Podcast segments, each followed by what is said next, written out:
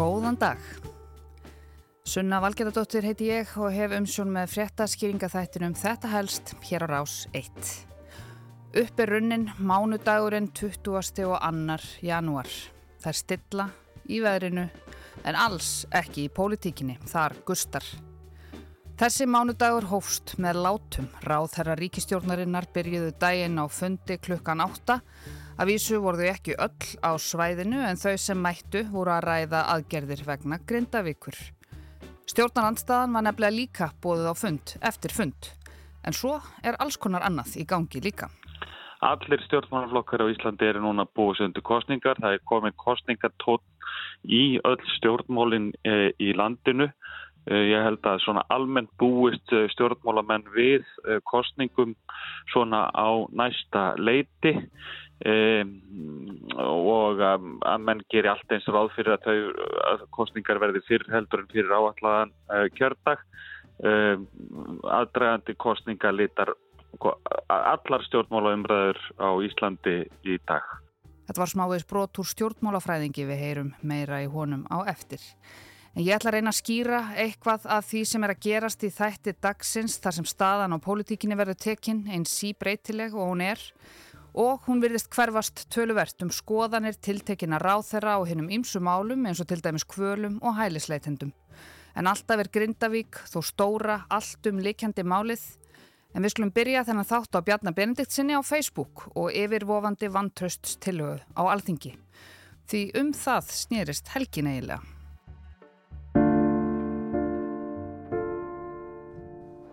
Bjarni Benediktsson utanríkisráð þeirra gaggrindi tjaldbúðir mótmælenda og austurvelli í Pistli á Facebook í gær. Tjaldbúðnar hafa staðið hér við Alþingishúsið frá 27. desember. Mótmældur krefjast þess meðal annars að fjölskyldum palestinumanna á Íslandi verði forðað frá Gaza og til Íslands. Utanríkisráð þeirra segir að tjaldbúðnar séu hörmung. Bjarni beindi svo máli sínu að málefnum hælisleitenda. Hann sagði núverandi fyrirkomulag algjörlega komið úr böndunum, auka þurfi landamæra eftir lit og að öllu skipti að á þessum málum verði tekið að festu og öryggi á þinginu. Hann endar svo pistilinn á að segja að styrkja þurfi laurögluna með auknum heimildum í baráttunni gegn alþjóðlegri brotastarðsemi. Ríflega 1900 manns hafa líkað við færsluna um þúsund skrifað aðtúasemt við hana og yfir 300 deltinni áfram.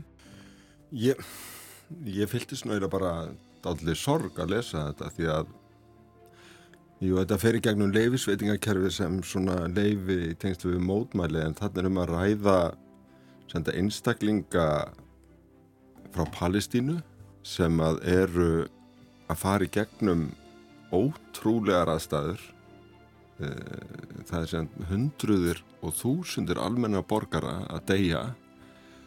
Eh, sumir sem þarna eru hafa mist börnin sín og það sem ég las út úr þessu var einhvers konar sko að, að, nýta sér það að, að einhverjir hafa uh, látið þetta stinga í augun að, að þarna að vera hópu fólks sett sér niður yfir þennan tíma líta fram hjá ástæðan þess að það er gert og einhvern veginn takar sér einhverja stöðu í umræðum aukið eftirlit á landamærum og skipulega glæpast ég ég bara næ ekkit utanum þetta. Mm -hmm. eh, og, og, og sé þetta eitthvað svona, svona pólitist útspil þá þá finnst mér að bara, já, sorg er bara tilfinningi sem ég finn Þetta var Dagur B. Eggertsson, ný fyrverandi borgarstjóri í vikulokkonum á lögardag og svo heyrðum við líka brot úr frétt Ölmu Ómarsdóttur á lögardagskvöld.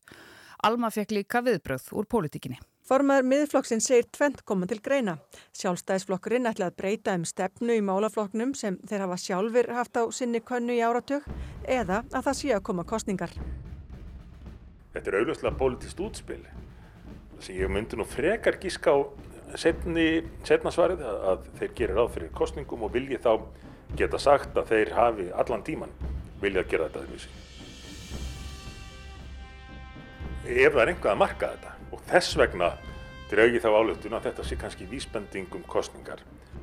Ekkert hefur náðst í Bjarnar Benediktsson utanríkisra á þeirra og formann sjálfstæðisflokksins þar sem afer þessu ári. Þetta var lögadagurinn. Og þó að aðteglinn sé vissulega alltaf á Grindavík þá verðist hún líka geta verið annar staðar á sama tíma. Sá aðtiklisbútur sem var á Östurvelli færðist í gær þaðan og til Þingsins sem er endar líka á Östurvelli.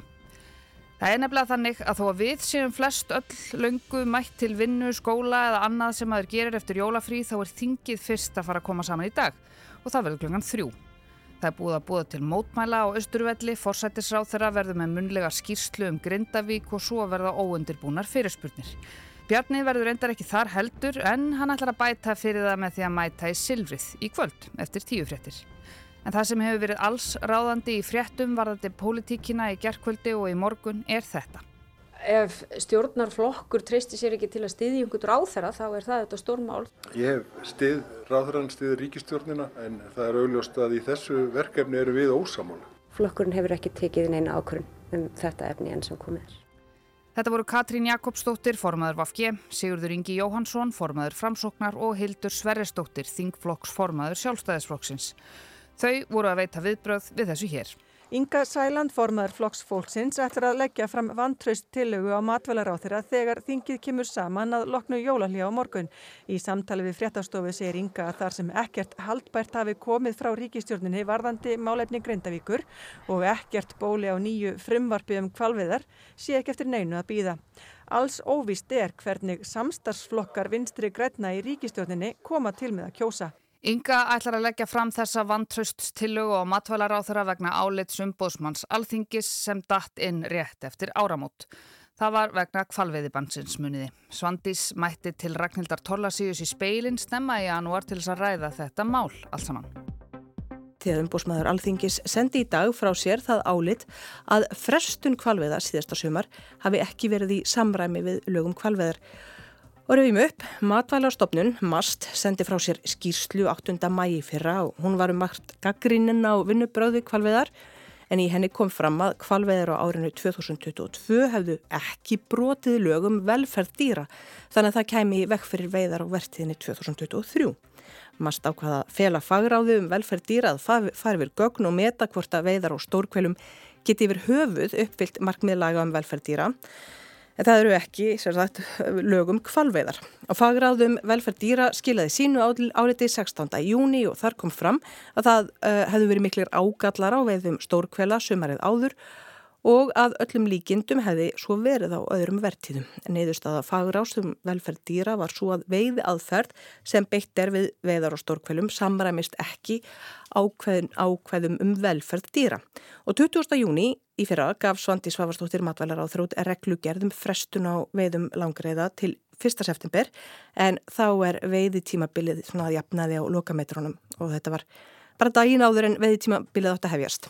Og umbúrsmæður alþingis telur að þessi reglugjörð sem að Svandi Svavarsdóttir matvælar á þeirra setti hafi ekki átt nægilega skýra lagastóð og um, það hafi heldur ekki verið gætt að kröfum stjórnsýslu réttar um meðalhóf.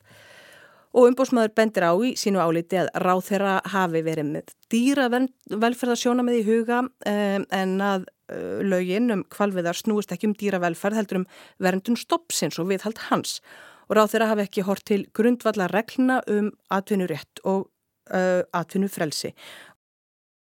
Hvernig máli blasti við mér þegar að niðurstaða fagrar uh, lág fyrir að þá stóð ég fram með fyrir því að ef að veiðarnar myndu hefjast á óbreyttu á allra næstu dögum, veiðar sem fagráð og matalstofnun taldi ekki standast lögum velferð dýra, að þá bæri ég ábyrð á því.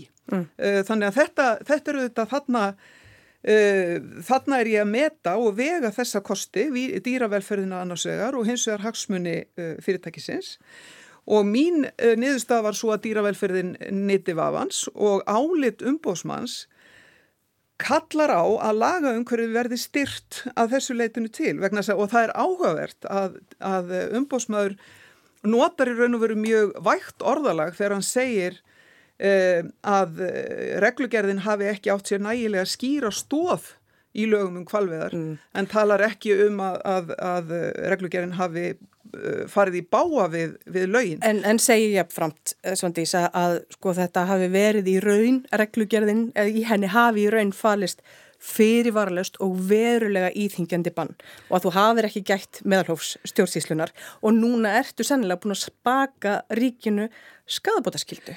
Já, það er að mínu mati, hér eftir sem hinga til, ekki tækt að við búum við það lagaumhverfi að það sé hægt að stunda veiðar þar sem ekki er farið á dýravelferðarlögum. Þannig ég held að sko staðan hljóta að verða svo að við þurfum að huga að því að uppfæra þess, þetta lagaumhverfi sem að mm. er uh, kvalviðurlögin eru frá, frá 1949 og, og uh, þegar að við erum með miklu mun nýri dýravelferðarlögjöf sem að ég með svo að, að, að almenningur hafi kallað eftir mjög skýrum ramma um þetta og það sínir auðvitað að við fáum uh, þúsundir af ábendingum, bæði matalastofnun og ráðaniti á hverjum, uh, hverju ári um slæma meðferð dýra, mikil og vaksandi umræða um kvalveiðar og, og, og uh, hvort að það er í þessi framtíð og, og dýravelferðar sjónum með þar, já, en, að þetta er í raun og veru nútíminn og framtíðin. En, en, en lög eru lög. Algjörlega. Og, og ég menna að lögum kvalveð, þó, þó að þér finnist eitthvað og einhverjum og allskynns fólki finnist allskynns að þá eru lög lög. Þetta var fyrr í mánuðunum og í morgun bætti Svandís í og skrifaði á Facebook að álit umbóðsmann skæfi ekki tilefni til aðgerða eða viðbræða af hennar hálfu. Hún ætlar hins vegar að fela óháðum aðila að fara yfir stjórnsíslu og laga umgjörð kvalviða.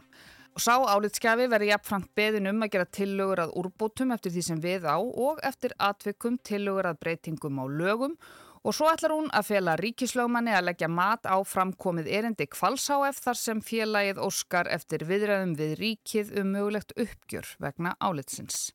Þannig að nú það. Og nú er raunin upp þingdagur með yfirvofandi vantrösttillögu Ingu Sæland og óvissu sjálfstæðisflokksins með Grindavík allt um likjandi. En hvað segja stjórnmálafræðingarnir? Er komið að því að ríkistjórnin springi? Ólafur Þótt Harðarsson, profesor, viðræði visku sína í fréttum í gær.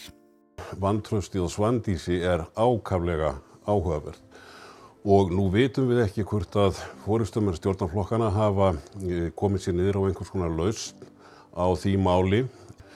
Ef ekki erum við í rauninni hins vegar með mjög áhugaverða stöðu vegna þess að það hefur aldrei gerst í Íslandsögunni að stjórnarflokkar hafi samþygt vantraust á einn af ráðherrum samstarflokks ríkistjórninni. Slíkt, ef að svona vantraust er samþygt, þá þýðir það eða hefur þýtt það að stjórnin er bara fallin.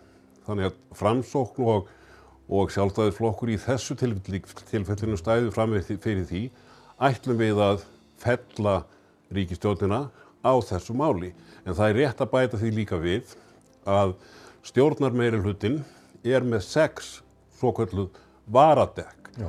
Ef að allir þingmenn stjórnarnarstöðunar greiða aðkvæði með vantrösti, allir þingmenn framsóknar og uh, vinstirgræna greiða aðkvæði á móti vantrösti og allir þingmenn sjálfstæðiflóksins nema sex greiða aðkvæði á móti vantrösti, þá nægir það til að bjarga stjórnarsamstarfinu í, í þeirri erfiðu stöðum. Og Eirikur Bergmann gerði slikt til sama í morgun úttorpinu á Rástvö í morgun. Það má bara líta svo á að þessu samstarfið þessara þryggjablokka sé í rauninni efnislega lokið. Mm. Þau eru bara klára hvert tímabilið og sem að veri kosið fyrr en að áallega kjörda eða ekki þá er þessi, þessu starf, samstarfi í rauninni efnislega lokið, myndi ég segja, svona í pólitískum skilningi e, þess máls og það er svo staða sem gerir það verkum að stöðningurinn er ekki algjör Já. og hérna skuldbindingin bara er einfallega ekki lengur til staðar uh, á milli þessara flokkar sem annars hefði verið. Já. Hefði þetta komið upp uh, sko fyrir seinustu kostningar segjum að þá hefði uh, ég haldið að það stæði ekki á stöðningum. Springur ríkistjórnin núna. Þetta er ekki í fyrsta sinn sem við veldum þessu fyrir okkur. Þetta er ekki einu sinn í fyrsta sinn á þessu ári og það er 22. janúar. En geta þau slitið samstarfinu núna með reykjaneskaðan í því ástandi sem hann er, með grindvikinga í því ástandi sem þeir eru, með fórsetakostningar framöndan, myndu þau í alvörunni bóða bara til kostninga. Flest eru sammálu um að það væri ekkert rosalega sniðugt fyrir ríkistjórnaflokkana að húra sér í kostningar eins og staðinni núna, að minnst að kosti ekki ef þau vilja halda völdum og þingsætum. Gallup gerði síðast könnun á fylgi flokkana í þjóðarpúlsi 31. desember fyrir þremur vikum. Sjálfstæðisflokkurinn hafði þá aldrei mælst með jafnlítið þylgi hjá Gallup 18%. Framsókn mæltist með 9% og vinstri græn með 6%. Ef þetta erðu niðurstöður kostninga myndi sjálfstæðisflokkurinn missa 5 þingsæti og enda með 12, Framsókn missa 7 og fengi 6 og Vafgi myndi missa helming þingsæta sinna og fá fjóra þingmenn sömu tölu og flokkur fólksins. Þetta eru þá samtals 22 þingsæti sem ríkistjórnarflokkarnir fengju samkvæmt þjóðarpúlsunum en þau eru núna með 38 þingmenn. Samfylkingin er ennablúsandi siglingu með 28% fylgi og 19 þingsæti og miðflokkurinn hefur ekki mælst stærri í nokkur ár með 10% og 7 þingmenn. En þetta eru jú skoðanakannanir og ekki kostningar og það hefur heldur betur mikið vatn runnið til sjávar síðan að þessi könnun var gerð og hraun yfir byggðir. Og þessi vantrausttillaga sem að á að leggja fram á alþingi er ekkert svo fyrsta sem ríkistjórnin þarf að kljást við. Það er alveg tveir helst þættir til um það í bankanum, annars vegar um Jón Gunnarsson og svo um Svandísi. En þessi tillega verðist snúast um eitthvað aðeins meira. Því að þetta er atkvæðagreysla um það hvort að ríkistjórnin seti áfram eða falli. Mm -hmm. Hún er efnislega um það, hún er ekki bara um þennan eina ráðara.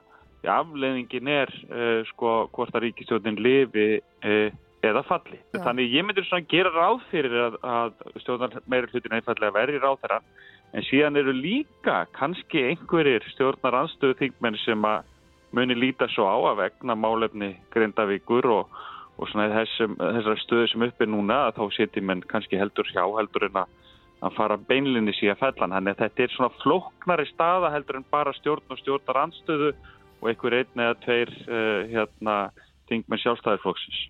Sagði stjórnmálafræði profesorinn Eirikur Bergmann í morgun útvarpinu í morgun. Ég heiti Sunna Valgerðardóttir og set nú punktinn í byli við mánudagspolítíkina því það er bara ekkert annað í stöðunni en að halla sér aftur og sjá hvað gerist. Við tökum auðvitað aftur stöðuna um leið og málinn skýrast eða þau verða enn óskýrari.